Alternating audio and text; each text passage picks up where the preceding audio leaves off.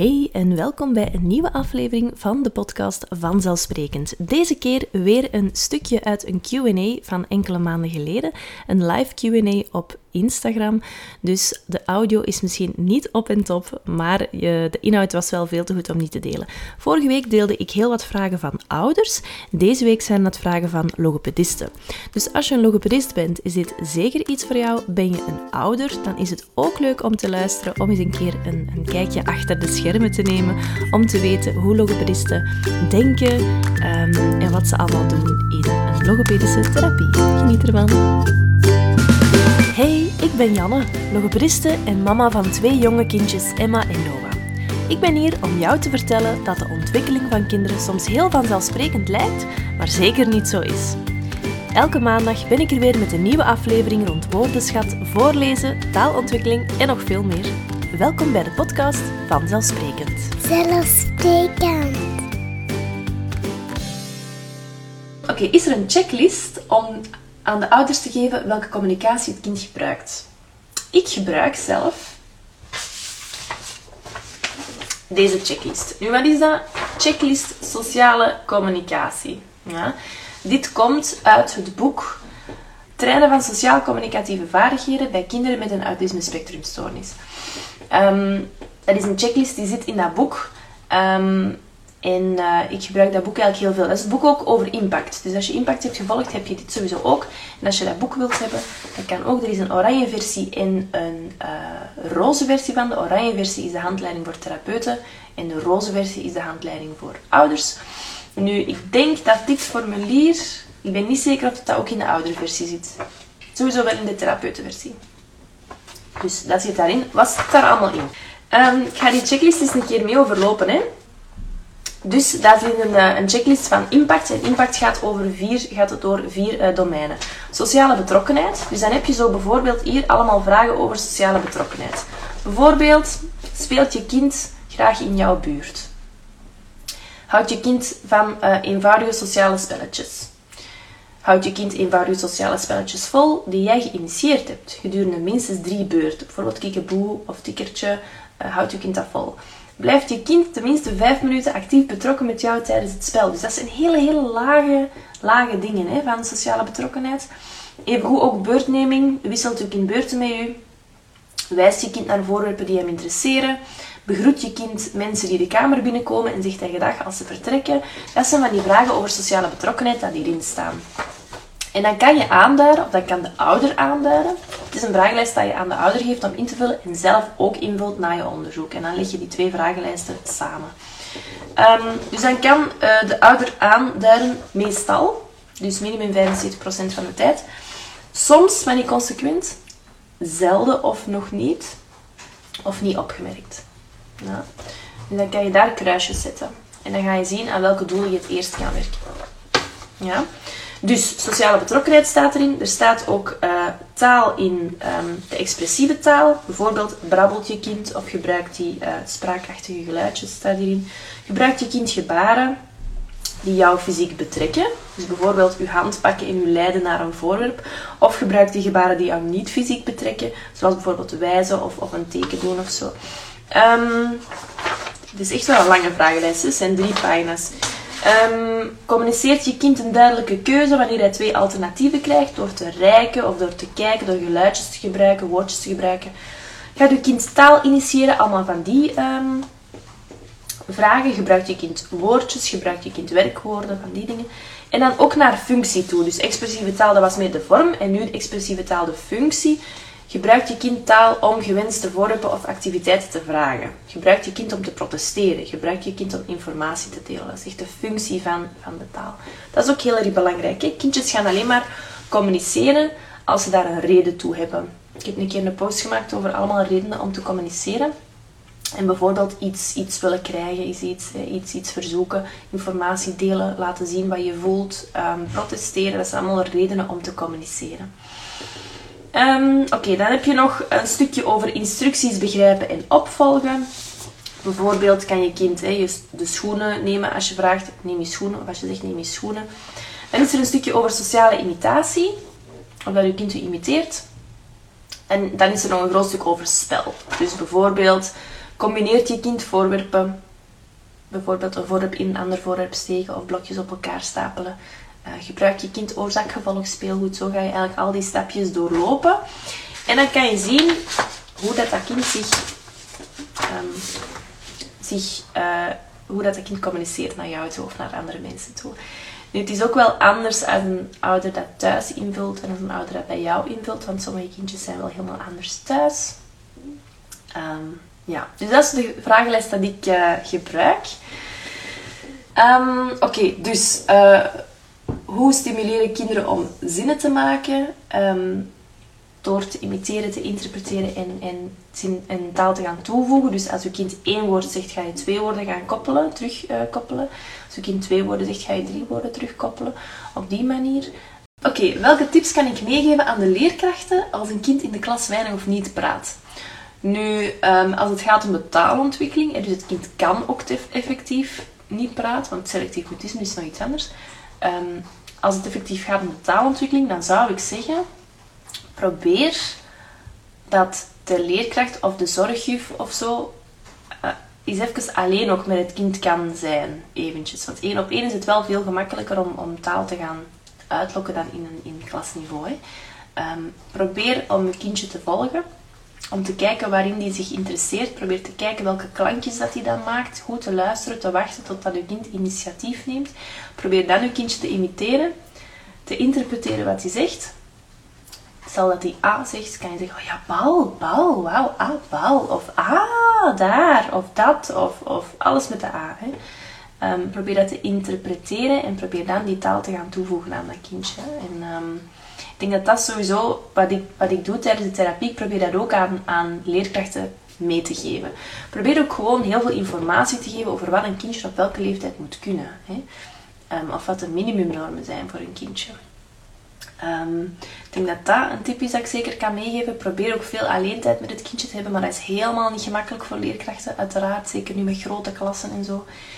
Um, tips voor leerkrachten nog, ja, probeer zeker samen te werken met een logopediste. En echt specifieke tips voor het kindje te, te krijgen. Want dit zijn algemene tips. Um, ja, probeer goed te bevragen wat het kindje juist allemaal doet. En echt dan proberen om een stapje hoger te gaan. En dat aan de leerkracht mee te geven. Om te letten op één ding. Om één ding te proberen. Want als je aan een leerkracht vraagt, doe deze tien dingen. Je geeft zo na vier, na vier pagina met zo tien tips. Dat gaat niet werken, want je hebt daar te weinig tijd voor er is ook geen, geen, geen kans om dat allemaal te doen. Dus als je zegt één ding, probeer dat te doen deze week en we koppelen volgende week terug. Dat gaat misschien wel lukken. Dus ik denk dat het daar ook misschien een beetje, een beetje kan helpen van maar één ding mee te geven. Um, Oké, welke vragen stel ik bij een anamnese? Dat is wat. Ik, ik heb u mijn anamnese uh, klaarstaan en ik ga dan een keer overlopen. Hè. Um, ik ga dat hier een beetje draaien. Voilà. Oké, dus uh, wat vraag ik allemaal in mijn anamnese bij kindjes die, die nog weinig of niks zeggen uh, bij vroege taalontwikkeling. Dus naast naam, geboortedatum en al die dingen vraag ik ook um, wat er problemen waren bij de geboorte, bij de zwangerschap.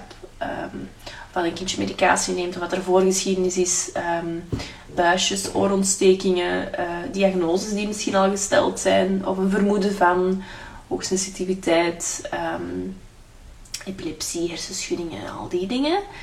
Um, ik bevraag ook zeker een stukje van, van meertaligheid, mocht het kindje meertalig zijn. Dus welke talen worden er allemaal gesproken? In welke taal wordt er tv gekeken? Zijn er boekjes thuis? Uh, in welke taal zijn die boekjes? Wat wordt er onderling tussen de ouders gesproken en wat spreek je met het kind? Dus want soms is dat ook nog anders. Um, probeer dat ook in percentages te zetten. Uh, zodat, ik echt, zodat ik echt goed kan zien van oké, het is echt 50-50 of het is zo 90% um, Turks en 10% Nederlands of zo. Um, ja, van die dingen. Dat probeer ik zeker te, uh, te bevragen. Dan heeft het kind gebrabbeld. En ik, uh, ik vraag ook om dat brabbelen een beetje te omschrijven. Dus om te zeggen van ja, um, wat kan je dat want ik, uh, ik stuur deze vragenlijst online door naar um, ouders. Maar dat is vrij moeilijk om hierop te antwoorden, want je hebt dan zo van die vragen als ja, maakt je kindje oogcontact of, of, of, gedeelde aandacht? Is er gedeelde aandacht? Is er joint attention? Ouders kennen dat niet, gedeelde aandacht. Wat is dat? Geen idee. Dus ik probeer als ouders dan bij mij komen dat ook wel effectief ehm, uit te leggen en voor te doen met voorwerpen of met popjes of zo. En dan eh, laat ik hen ook gewoon heel veel vertellen. Wat doet uw kind allemaal? Hoe communiceert uw kind? Hoe maakt uw kind iets duidelijk? Kan die iets duidelijk maken? Weet je wat hij of zij bedoelt? Ehm, wat doet hij als die iets niet krijgt? Wat doet hij als die ehm, zich niet begrepen voelt? Wat doet hij als hij bijvoorbeeld uh, uh, uh aan het zeggen is en je hebt zoiets van, ik weet het niet.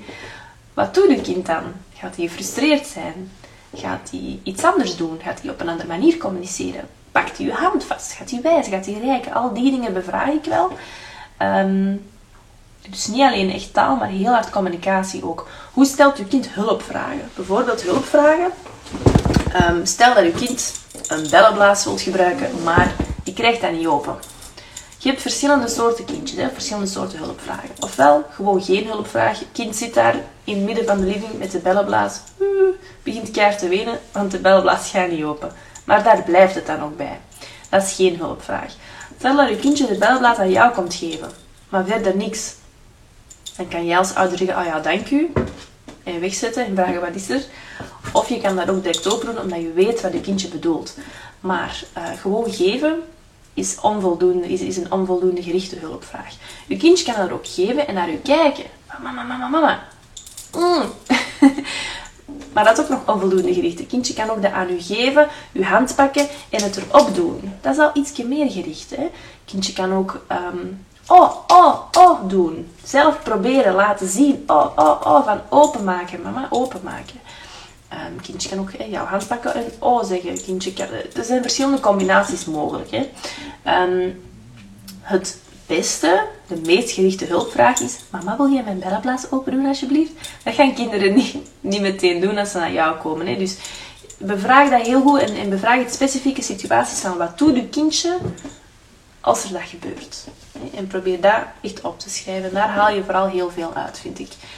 Um, ik vraag ook van ja, of dat uw kindje um, opdrachtjes begreep, op welke leeftijd dat, dat was. Was dat voor een jaar, was dat na een jaar? Um, wanneer begonnen te combineren tot korte zinnetjes? Wanneer begon die woordjes te combineren? Hoeveel woordjes denk je dat uw kind kent?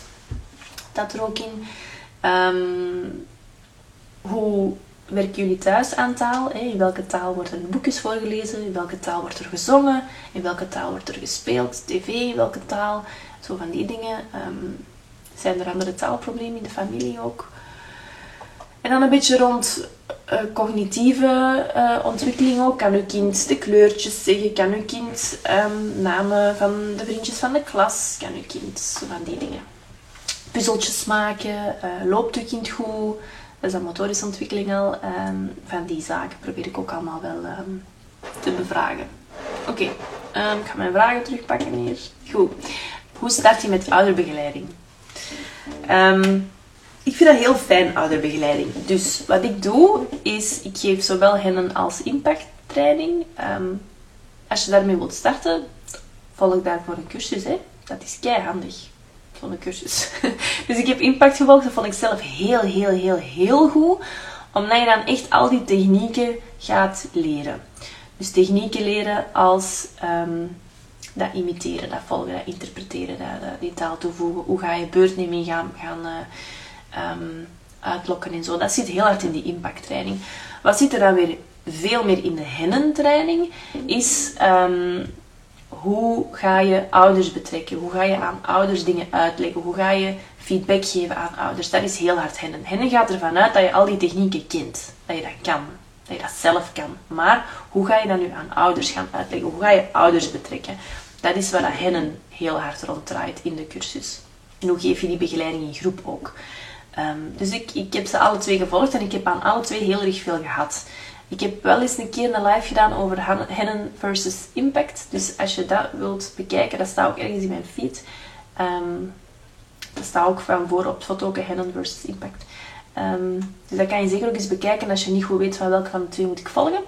Nu, uh, hoe start je dan met ouderbegeleiding? Ik, ik doe eerst een intakegesprek, ik doe dan een onderzoek, ik bespreek dat onderzoek met de ouders en dan laat ik heel veel van de ouders komen. Ik, vraag heel veel uh, input van de ouders, vragen van de ouders ik probeer daar heel veel op te antwoorden. En dan probeer ik te zien, oké, waar zit het kind nu? Ik stel samen met de ouders doelen op. Wat willen we dat je kind kan?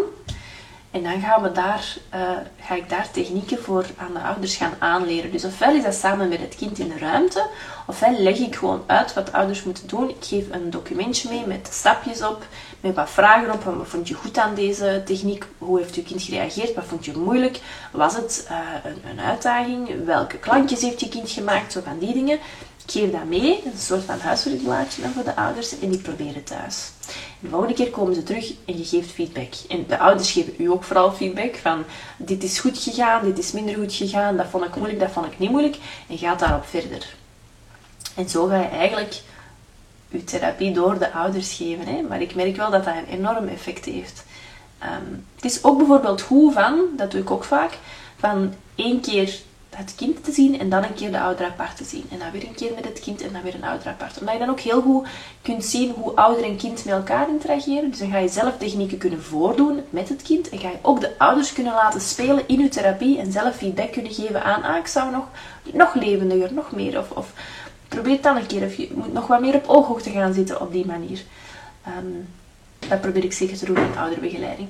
Maar ik snap dat dat, heel, uh, dat, dat veel onzekerheid met zich meebrengt. Want uh, ik heb dat ook niet vanaf dag één gedaan. dat is pas na een paar jaar gekomen dat ik dat ben beginnen doen. En nu vind ik dat eigenlijk heel leuk om te geven, ouderbegeleiding. Um, zijn er bepaalde uh, printjes of schablonen, boekjes die je kan gebruiken om te communiceren? Um, ik probeer eigenlijk zelf mijn communicatieboekjes te maken als dat nodig is. Omdat ik dan printen vraag van familie, printen van de klas, zo alle hoekjes, de kindjes van de klas. Um, ik probeer dan de juf in een printje te zetten, het favoriete eten van het kindje in het, printje in, in, het boekje te zetten. Dus ik maak dat zelf. Um, dat is wel heel veel werk. En er zullen wel programma's voor zijn, maar daar ben ik eigenlijk niet in thuis. Ik denk dat aan Mind Express en zo, ik weet niet wat dat nog bestaat. Um, maar dat weet ik eigenlijk zelf niet zo heel goed. Dus dat, ik, raad aan om dat gewoon een keer op te zoeken. Ik denk aan Mind Express, maar ik weet niet wat er nog bestaat. En ik maak het zelf, omdat ik dan heel gemakkelijk... Ik heb dan mijn schabloontje daarvoor. Ik kan dan heel gemakkelijk al die printjes erin zetten. Ik heb ook bijvoorbeeld van in mijn uh, therapieruimte, dat is nu al wel een tijdje geleden, dus ik moet een keer updaten, foto's getrokken van verschillende popjes, verschillend materiaal, dat het kindje bijvoorbeeld ook kan vragen, ik wil vandaag met dat spelen dan geef ik daar taal aan. Hè. Dan, dan, dan, dan, bied ik taal aan terwijl het kindje aan het kiezen is. Bijvoorbeeld, ik wil, en dan kan het kindje, oh, de boot. Ik ga de boot pakken. Zo. Um, dus ik maak het zelf. Um, goed, ik raad ook wel aan van echte print te gebruiken. Dus foto's te gebruiken in plaats van pictogrammen. Sommige kindjes vinden pictogrammen dan weer veel beter. Ik denk dat het echt gewoon trial and error is. Probeer het eens. En kijk wat werkt en gaat daar dan mee verder. Het is nooit van de eerste keer goed, hè. Dus ja, trial and error, proberen. Um, heb je folders die je meegeeft of informatiebronnen voor ouders van kinderen met een taalontwikkelingsstoornis? Ik heb er en ze liggen op de praktijk. Sorry. Um, ik heb sowieso een folderje van het COS, dat wij vlakbij het COS zitten. Ik heb een foldertje over het raster, dat is voor autisme. Ik heb een foldertje over verschillende syndromen ook. Maar dat moet ik helemaal niet vaak gebruiken, want de kinderen komen eigenlijk bij mij niet echt langs. Um, ik heb al een paar foldertjes. Ik zou gewoon eens zoeken naar ofwel dat je online foldertjes kan drukken, ofwel dat je een keer belt naar het dichtstbijzijnde uh, onderzoekscentrum om daar een paar foldertjes van te krijgen. Ik zou zeker eens um, bijvoorbeeld dingen als het raster en zo um, contacteren of dat je daar een paar foldertjes van kan krijgen. Ik uh, raad ook aan van een keer de website van Participate te bekijken. www.participate-ass.be, denk ik. Maar als je Participate ASS intikt, dan vind je dat sowieso een hele, hele, hele goede website voor autisme. Um, Oké. Uh, en dan de laatste vraag was hier: spel is belangrijk om taal uit te lokken, maar wat als een kind niemand toelaat in zijn nabije omgeving? Oké. Dus als een kindje niemand toelaat, betekent dat dat hij geen contact wilt of zoekt. Nu, als dat gebeurt, dan ga je um, op ooghoogte komen.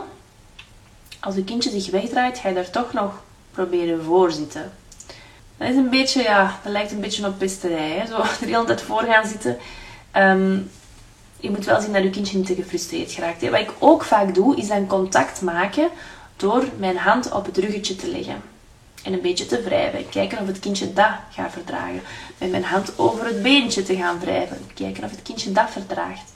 Uh, en zo stapje per stapje toch contact te gaan zoeken. Of ik probeer zelf te spelen en iets heel leuk te doen, zoals bijvoorbeeld de bellenblaas. Want de bellen die, die vliegen dan ook wel voor het kindje. En als het kindje zich dan draait, dan heb je contact.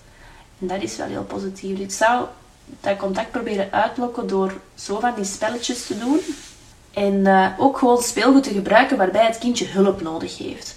Dus um, bijvoorbeeld een bellenblaas, een muziekdoosje dat je moet opwinden, um, iets dat, een, een transparant doosje met spulletjes in. Dat is echt een groot succes. Van die transparante doosjes van een action die zo dichtklikken, kindjes krijgen dat niet zo gemakkelijk open. Zeker niet die hele kleintjes. En als je dat dan met een van de favoriete speelgoedjes van dat kind op de grond zet in je lokaal, ja, dan heb je het zitten. Hè. Dan komen ze naar u, dan oh, oh, wil je dat open Of juist niet, of, of het is gefrustreerd. Allee, dan komen die dingen van, van die stapjes, hè, van hulpvragen te komen stellen, dat ik daar straks heb uitgelegd. Dus um, ik zou op die manier proberen contact maken door aanraking, kijken of het kindje dat uh, verdraagt. En ook bellen blazen bijvoorbeeld, kindje echt gaan, gaan reacties gaan uitlokken, communicatie gaan uitlokken. En dan proberen om die vast te houden door bijvoorbeeld nog meer bellen te blazen of met een popje te stappen of zo. Of, of uh, met een poppenkastpopje is ook altijd een handpop, is uh, ook altijd heel leuk om te doen. Omdat het kindje dan geen contact maakt met u, maar met de pop. Werkt ook heel vaak, want kindjes hebben vaak wel aandacht voor speelgoed en niet voor volwassenen. Dus als je dan met een handpop werkt, kan je toch nog taal aanbieden, omdat het kindje daarmee contact maakt, maar niet met jou. Um, ja, zo, ik hoop dat het interessant was. Ik hoop dat je als ouder ook heel veel informatie hieruit hebt kunnen halen. Als je logopedist was, bent, dan hoop ik dat dit ook heel fijn was om naar te luisteren. Mocht je nog meer vragen hebben, mag je ze altijd sturen naar podcast.taaltoren.be of je mag ons een berichtje sturen via Instagram. Wij zijn overal te vinden op de Taaltoren, dus op Instagram en Facebook. Um, als je het artikel wilt lezen van deze podcast, dan ga je naar www.taaltoren.be. Bedankt voor het luisteren en graag tot volgende week. Zegt jouw kind nog geen woordjes? Nog geen zinnetjes? Heb je geen idee wat je kind moet kunnen op welke leeftijd of hoe je de taal thuis kan stimuleren? Dan is ons gratis webinar misschien iets voor jou. Bezoek onze website www.taaltoren.academy en bekijk ons gratis webinar De drie grootste struggles van ouders om een kind te leren praten en de oplossing hiervoor. Dag!